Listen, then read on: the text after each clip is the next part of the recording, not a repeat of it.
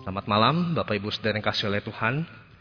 Shalom dan kita bersyukur sekali lagi kita boleh sama-sama datang kebaktian doa dan juga bagi jemaat sekalian yang di rumah saya rindu kita boleh sama-sama datang juga kalau sempat kalau keburu datang yuk kita doa ibadah sama-sama. Baik jemaat sekalian kita akan merenungkan satu tema masih dalam rangkaian gereja dan hari ini kita akan merenungkan tema gereja sebagai mempelai Kristus. Ya kalau jemaat menyadari ini ada pertukaran pelayan. Jadi minggu lalu saya WL, Komario yang khotbah, hari ini saya yang khotbah, Komario yang uh, bawakan pujian. Dan minggu lalu Komario tanya saya, eh lu udah siapin belum? Ya udah sih. Pakai ayat mana? Masih belum tahu, belum pasti. Ya ya sudah gitu kan. Terus begitu kemarin dia khotbah, jeng jeng Efesus 5. Terus saya pikir, kayaknya saya mau pakai yang ini deh. Waduh, gitu kan gimana nih? Tapi saya pikir nggak apa-apa, jadi justru tugas saya lebih ringan hari ini. Dan memang ayat ini menjadi ayat yang paling utama bukan sebenarnya. Kalau kita berbicara gereja sebagai mempelai Kristus, ini ayat yang sangat jelas. Hai suami, kasihilah istrimu sebagaimana Kristus telah mengasihi jemaat. Kristus telah mengasihi jemaat sama seperti suami sama istri, kira-kira begitu ya. Dan telah menyerahkan dirinya baginya. Dan memang keluarga itu lembaga paling awal bukan di dalam Alkitab, di dalam dunia ini. Lembaga paling awal. Manusia diciptakan laki-laki, perempuan, nah itu jadi keluarga deh. Jadi itu lembaga paling awal, relasi paling awal. Dan oleh sebab itu Alkitab sering dibilang sebagai the love letter of God, surat cintanya Tuhan buat kita, umat-umatnya. Dan kita juga tahu bahwa di dalam Alkitab ada satu kitab yang khusus bercerita tentang cinta terhadap pasangan. Kitab Kidung Agung misalnya kita bisa katakan.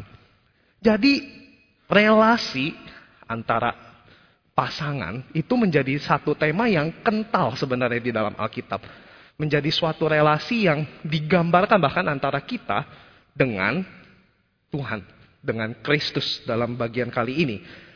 Dan memang banyak sekali saudara, bukan hanya dalam bagian ini. Sebenarnya ada banyak bagian yang bisa kita pelajari. Bahkan di PL pun ada. Misalnya di Yesaya 62 ayat 5b. Sebab seperti seorang muda belia menjadi suami seorang anak darah. Demikianlah dia yang membangun engkau akan menjadi suamimu. Dan seperti girang hatinya seorang mempelai melihat pengantin perempuan. Demikianlah Allahmu akan girang hati atasmu. Cuma sekali luar biasa penggambaran ini. Seperti girang hatinya seorang mempelai melihat pengantin perempuan, Allah kita juga akan girang sama seperti itu. Saya belum mengalami ya, tapi saya sering datang ke nikahan, saya melihat, wah tuh senangnya luar biasa. Bahkan menjadi satu budaya bukan ketika misalnya mempelai wanita masuk, kita berdiri gitu ya, kita tepuk tanganin, kita senyum lebar-lebar. Kita lihat juga muka cowok yang di depan, mungkin juga ada yang sampai mungkin terharu, netesin air mata gitu ya. Banyak hal yang terjadi seperti itu antara kita sama Tuhan digambarkan ini di PL. Kemudian misalnya di PB, Yohanes 3 ayat 29. Ketika Yohanes pembaptis menggambarkan bagaimana tugasnya.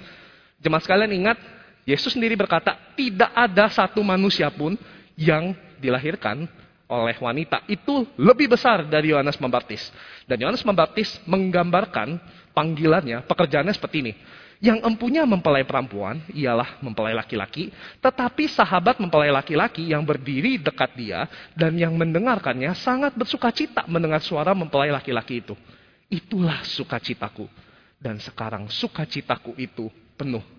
Dia menggambarkan pekerjaannya, pelayanannya, panggilannya itu seperti best man, pendamping laki-laki. Dia cuma pendamping. Dia ngelihat Kristus menghampiri umatnya. Dan itu dia cukup lihat. Dia lihat itu dia sudah senang sekali. Bahkan dia bilang sukacitaku penuh. Saudara apakah ada yang pernah jadi pendamping? Best man, bridesmaid. Saudara saya sering. Dan beberapa kali misalnya kita rame-rame ya. Misalnya best man rame-rame. Kita sering bikin tanda kutip ya.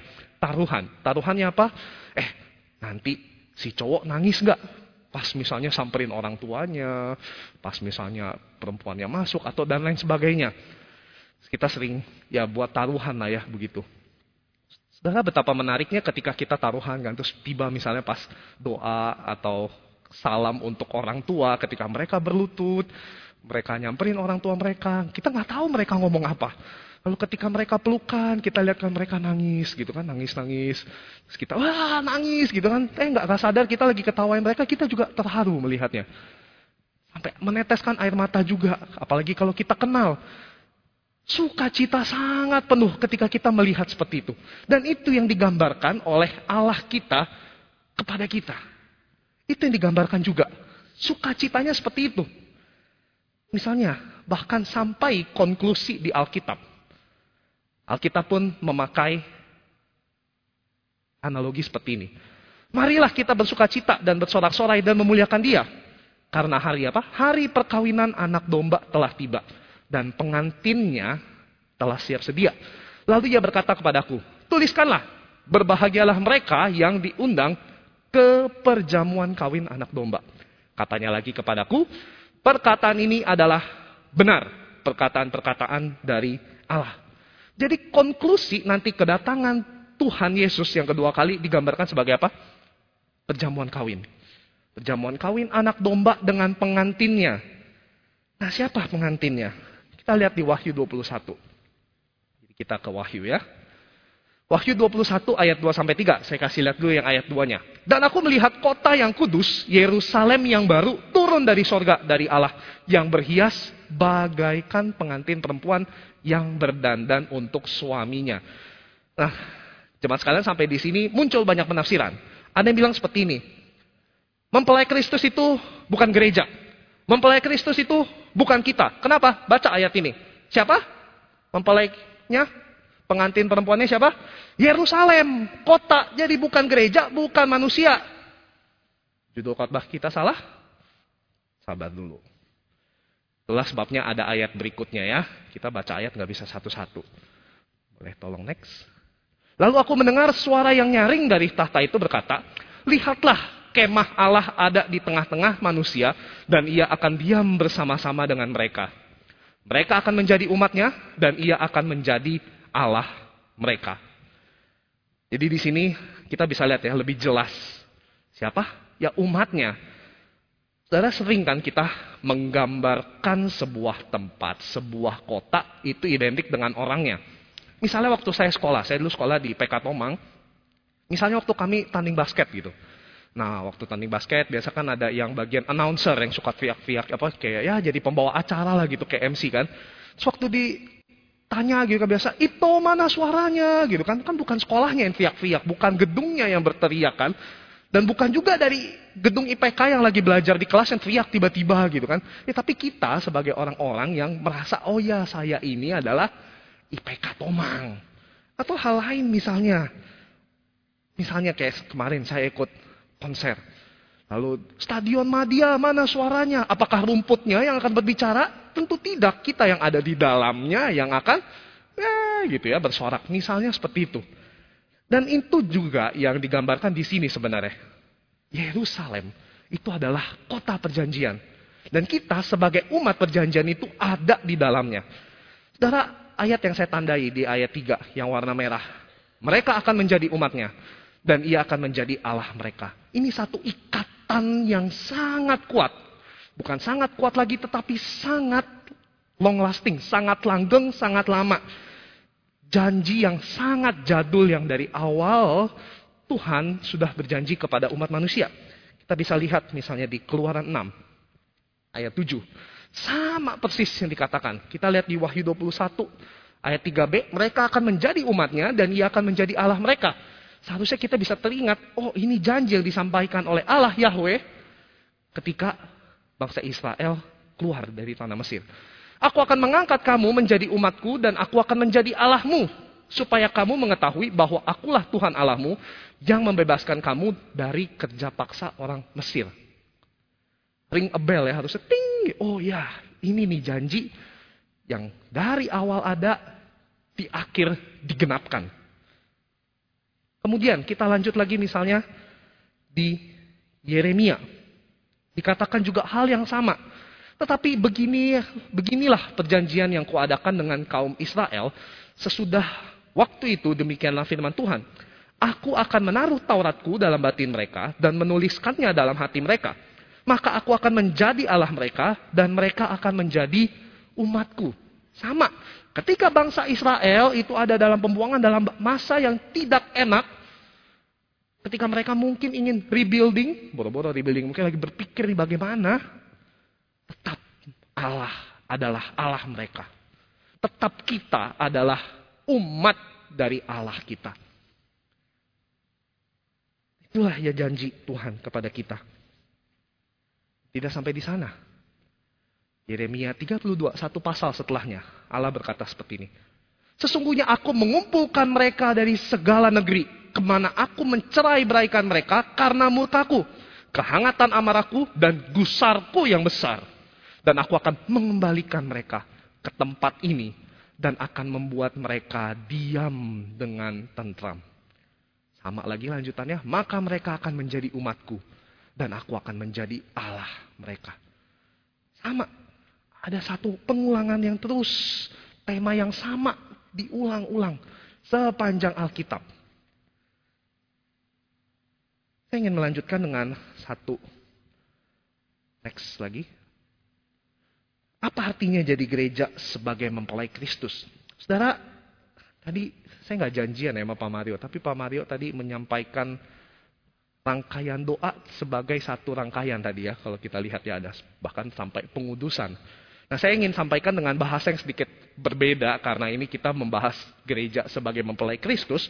Dan kita akan melihat bahwa ketika Alkitab mencatat gereja sebagai mempelai Kristus, itu dicatat sebagai satu pola rancangan Ya kalau kita tahu tentang creation, fall, redemption, sanctification, uh, penciptaan, kejatuhan, uh, penebusan, pengudusan, kita lihat ini juga mirip sebenarnya. Tapi saya akan sesuaikan supaya kita bisa melihat gereja sebagai mempelai Kristus. Yang pertama, soal rancangan. Saudara, kita tahu Allah kita adalah Allah pencipta langit dan bumi. Dia yang merancang segalanya. Bahkan institusi pernikahan suami, istri, keluarga, itu adalah rancangan Allah kita. Bukan karena manusia yang kepengen, tetapi Tuhan yang ciptakan. Yang lihat tidak baik manusia itu kalau sendiri adalah Allah.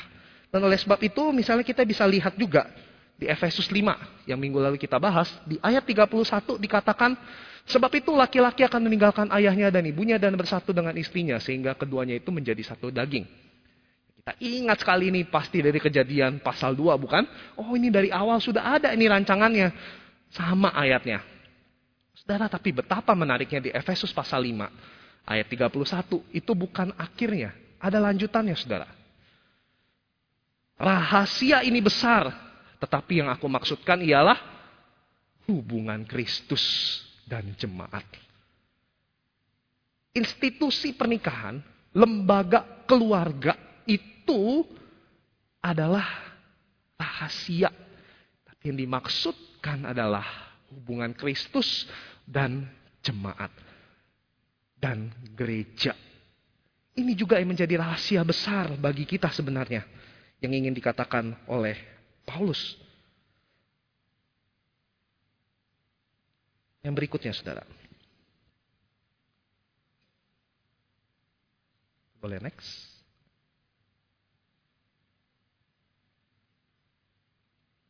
Oke. Yang kedua, soal kegagalan. Saudara, menarik sekali di Alkitab kita, ada satu kitab yang memfokuskan kisahnya pada kegagalan pernikahan. Saudara bisa tahu kitab apa? Hosea ya. Kitab Hosea. Isinya apa? Isinya adalah perselingkuhan, kegagalan seorang mempelai terhadap mempelai yang lain. Satu kitab khusus bercerita tentang itu. Dan kita tahu bahwa manusia itu gagal dan gagal lagi. Di dalam hubungannya dengan Allah.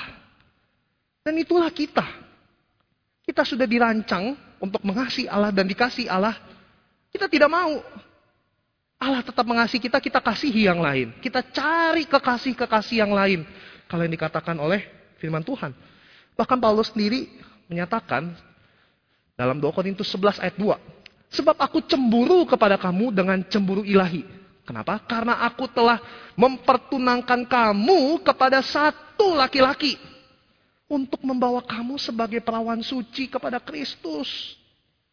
Kita seharusnya diserahkan kepada Kristus sebagai perawan suci, sebagai persembahan, sebagai mempelai yang suci, yang kudus. Tetapi kita malah selingkuh sana sini, kita cari kekasih yang lain. Kita lupakan perjanjian kita dengan Allah. Dan itu yang terjadi dalam kehidupan kita bukan sebagai orang-orang Kristen. Seberapa sering kita gagal, seberapa sering kita selingkuh. Dan bahkan sebenarnya di sini Paulus katakan, sudah tunangan telah mempertunangkan kamu. Saudara bayangkan kalau kita dalam posisi sebagai Kristus. Kita sudah tunangan lalu tunangan kita selingkuh. Wow. Saudara, saya membaca sebuah survei tahun 2017 tentang remaja yang sudah tidak perawan lagi tahun 2017 nih saudara ya. 54% cewek, wanita, remaja sudah tidak perawan. 79% laki-laki juga sudah tidak perawan lagi. Saudara, angka ini mengerikan ya. Tahu salah tetapi merasa bahwa tidak masalah. Kenapa? Karena di sekitar lakukan. Gak apa-apa gagal dalam hal ini. Gak apa-apa gagalin rancangannya Tuhan. Saudara, jangan sampai seperti itu. Kita tahu bahwa ketika kita gagal, tidak sampai di situ. Ada persekutuan, ada kasih yang dialirkan oleh Allah kita kepada kita. Masih sama nuansanya sebagai mempelai. Di Markus 2 ayat 19 sampai 20.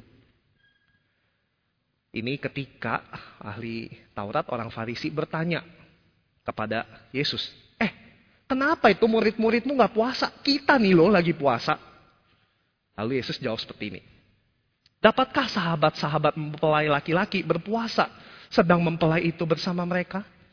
Selama mempelai itu bersama mereka, mereka tidak dapat berpuasa. Tetapi waktunya akan datang mempelai itu diambil dari mereka dan pada waktu itulah mereka akan berpuasa. Jadi ketika ahli Taurat orang Farisi tanya, eh Yesus, itu kenapa muridmu tidak puasa? Ini kita loh lagi puasa ini. Yesus bilang apa? Eh, itu mereka lagi sama mempelainya. Siapa yang dimaksud? Ya dia sendiri. Allah lagi datang ke dunia, lagi datang bersama-sama dengan umatnya. Kenapa kamu berpuasa? Kenapa kamu berkabung? Seharusnya suka cita. Ada persekutuan Allah datang ke dunia. Firman jadi manusia. Seharusnya kamu bersuka cita. Inilah kasih Allah. Mempelai itu datang. Dan kita tahu bahwa sebenarnya konsep di dalam kekristenan kita bisa bertanya-tanya kan, ya Allah sudah naik ke surga lagi. Betul. Itulah sebabnya ada sebuah konsep already but not yet. Sudah tetapi belum. Tapi kita tahu sudah karena karya Kristus sudah tuntas. Kita bisa lihat di Efesus 5 ayat 25. Tadi kita baca, sebenarnya mungkin kita harus menekankan satu bagian juga. Kristus mengasihi jemaat itu dengan cara seperti apa? Menyerahkan dirinya bagi kita. Dalam persekutuan ada kasih juga yang dicurahkan kepada kita dan tuntas. Kita tahu bukan tanda pasangan yang sehat adalah pasti mereka harus saling mengasihi. Gak bisa salah satu aja yang mengasihi, apalagi dua-duanya tidak mengasihi. Ini Kristus sudah mengasihi kita terlebih dahulu. Kita ingat sebelumnya tadi ya, sudah gagal sebenarnya. Sudah dirancang, kita pilih gagal. Tetapi Kristus datang menyelamatkan kita. Menyerahkan dirinya bagi kita supaya kita bisa balik lagi bersekutu dengan dia. Berikutnya, kita tahu bahwa kita harus menanti kedatangan Kristus yang kedua. Saudara, saya melihat banyak LDR misalnya ya. Itu bukan hal yang mudah ya. Misalnya harus nunggu karir, nunggu kuliah, atau menanti restu orang tua, dan lain sebagainya. Bukan hal yang mudah, tetapi dilakukan. Dan ini satu nuansa yang biasanya bisa ada juga. di dalam pernikahan. Di dalam menanti pasangan. Mau menikah pasti ada prosesnya, ada penantiannya. Di gereja kita juga ada misalnya PMC, kelas-kelas lainnya. Kita harapkan juga kita terus memperlengkapi diri kita. Kita menanti misalnya kita punya anak-anaknya besar dan lain sebagainya. Firman Tuhan juga mengatakan soal penantian dan dihubungkan dengan konsep mempelai. Matius 25. Ini gadis bodoh dan gadis pintar ya saudara ya. Pada waktu itu hal kerajaan sorga seumpama sepuluh gadis yang mengambil pelitanya dan pergi menyongsong mempelai laki-laki. Kita tahu ceritanya, lima gadis bodoh, lima gadis pintar, lima gadis pintar menyediakan apa yang diperlukan Lima gadis bodoh tidak menyiapkan apa-apa. Lima gadis pintar menyediakan minyak dan lain sebagainya. Sehingga ketika mempelai laki-laki datang mereka sudah siap. Pertanyaannya buat kita. Kita sudah siap atau belum? Ketika nanti mempelai laki-laki datang. Ketika Tuhan datang kembali, ketika Kristus datang kembali ingin menyambut jemaatnya, apakah kita sudah siap? Kita perlu pertanyakan itu kepada kita. Karena kita tahu bahwa Kristus pasti melakukan penggenapan. Dia bukan bilang, aku akan datang. Lalu dia nggak datang-datang. Dia PHP. Dibiarin kita menanti. Tidak saudara. Dia pasti genapkan. Dia pasti datang. Bahkan menarik sekali. Ayat terakhir sebelum penutup di kitab Wahyu. Ayat terakhir, kalau saudara perhatikan ya. Ini salah satu ayat terakhir sebelum perikop yang judulnya penutup berbicara soal pengantin. Roh dan pengantin perempuan itu berkata, marilah. Dan barang siapa yang mendengarnya, hendaklah ia berkata, marilah. Barang siapa yang haus, hendaklah ia datang. Barang siapa yang mau, hendaklah ia mengambil air kehidupan dengan cuma-cuma. Saudara, dengan cuma-cuma kita diundang ke perjamuan itu. Betapa Allah mengasihi kita. Betapa Allah yang dari awal merancangkan segala sesuatunya. Meskipun kita gagal, Allah datang. Mempersekutukan kita kembali dengan Allah kita. Saudara kita sekarang saat ini ada di penantian. Apa yang kita lakukan? Kita mau gagal lagi? Atau kita justru mau setia? Mengasihi. Saudara ada satu lukisan yang saya ingin tampilkan. Ini judulnya Behold the Bridegroom Arriving atau lihat mempelai laki-laki itu datang. Saudara ini lukisan yang dibuat oleh Nikolaus Gizis, orang Yunani, tahun ya abad 19 deh, tahunnya macam-macam ya saudara, ada yang bilang 1888, ada yang bilang 1895, ada yang bilang 1899, abad 19. Lukisannya ini besar saudara ya, 2 meter kali 2 meter, 200 cm kali 200 cm besar sekali dan sangat indah. Menariknya dia ketika membuat lukisan ini, dia sambil melampirkan sebuah surat. Dan di suratnya tertulis seperti ini. Dia melihat bahwa Kristus itu bukan sebagai penghukum dan juga yang akan membalaskan dendam tetapi sebagai Allah yang manis yang membawa terang, keselamatan, dan kenyamanan. Saudara setuju kita akan hal ini? Saudara satu sisi kita bisa setuju. Tapi di sisi lain kita juga jangan lupa bahwa Kristus akan datang untuk menghakimi. Dia akan membedakan yang mana kambing, yang mana yang domba. Betul dia akan datang sebagai Allah yang manis, tapi jangan lupa juga kalau dia Allah yang akan menghukum kita. Kalau kita tidak setia. Saudara kita mau pilih yang mana? Allah sudah melakukannya bagi kita. Sudah dirancangkannya. Sudah dilakukannya. Sudah digenapkannya bagi kita. Kita mau lakukan apa? Saudara dua aplikasi untuk kita. Setia dan saling mengasihi. Saudara bukan kebetulan saya pikir ketika kita pakai ayat yang sama, bagian yang sama. Minggu lalu berbicara gereja sebagai tubuh Kristus dan hari ini gereja sebagai mempelai Kristus. Yang artinya bahwa kita sebagai tubuh Kristus itu juga adalah mempelai Kristus. Sadarkah kita bahwa orang di sekitar kita juga adalah mempelai-mempelai Kristus yang juga harus kita kasihi. Itulah sebabnya kita datang bersekutu, berdoa. Kita ingin menguatkan satu dengan yang lainnya, saling mengasihi. Saudara, jadi apa artinya gereja sebagai mempelai Kristus? Kita, gereja, G-nya besar ya saudara ya secara permanen telah disatukan dengan Kristus. Saat ini kita menanti kembalinya Kristus dengan setia. Yaitu ketika surga dan bumi disatukan kembali olehnya. Itu menjadi kerinduan kita ketika Kristus sang mempelai itu menjemput kita. Mempelai perempuan. Saudara, kasihilah mempelaimu. Seperti dia telah mengasihi kita terlebih dahulu. Sebab dia sangat mengasihimu. Dia sudah mengasihi kita terlebih dahulu. Jemaat sekalian selamat menanti dengan setia. Dan juga selamat mengasihi dengan setia. Kita berdoa. Ya Tuhan terima kasih Engkau sangat mengasihi kami. Mungkin kami tidak dapati kasih yang sempurna di dalam dunia. Tapi mungkin juga kami tidak menyadari bahwa engkau begitu mengasihi kami. Sehingga sering kali kami memilih untuk gagal dan gagal lagi. Tuhan saat ini kami gerejamu mempelaimu datang memohon belas kasihanmu engkau menggambarkan umatmu seperti Gomer yang terus menerus tidak setia oleh sebab itu ya Tuhan, terimalah kami lagi Tuhan. Umat-umatmu yang penuh dengan kelemahan. Kembalikan kami kembali dalam kasihmu, dalam pelukanmu. Sehingga kami boleh hidup sebagai umatmu yang menyenangkan hatimu. Kami tahu ya Tuhan, kondisi tidak mudah.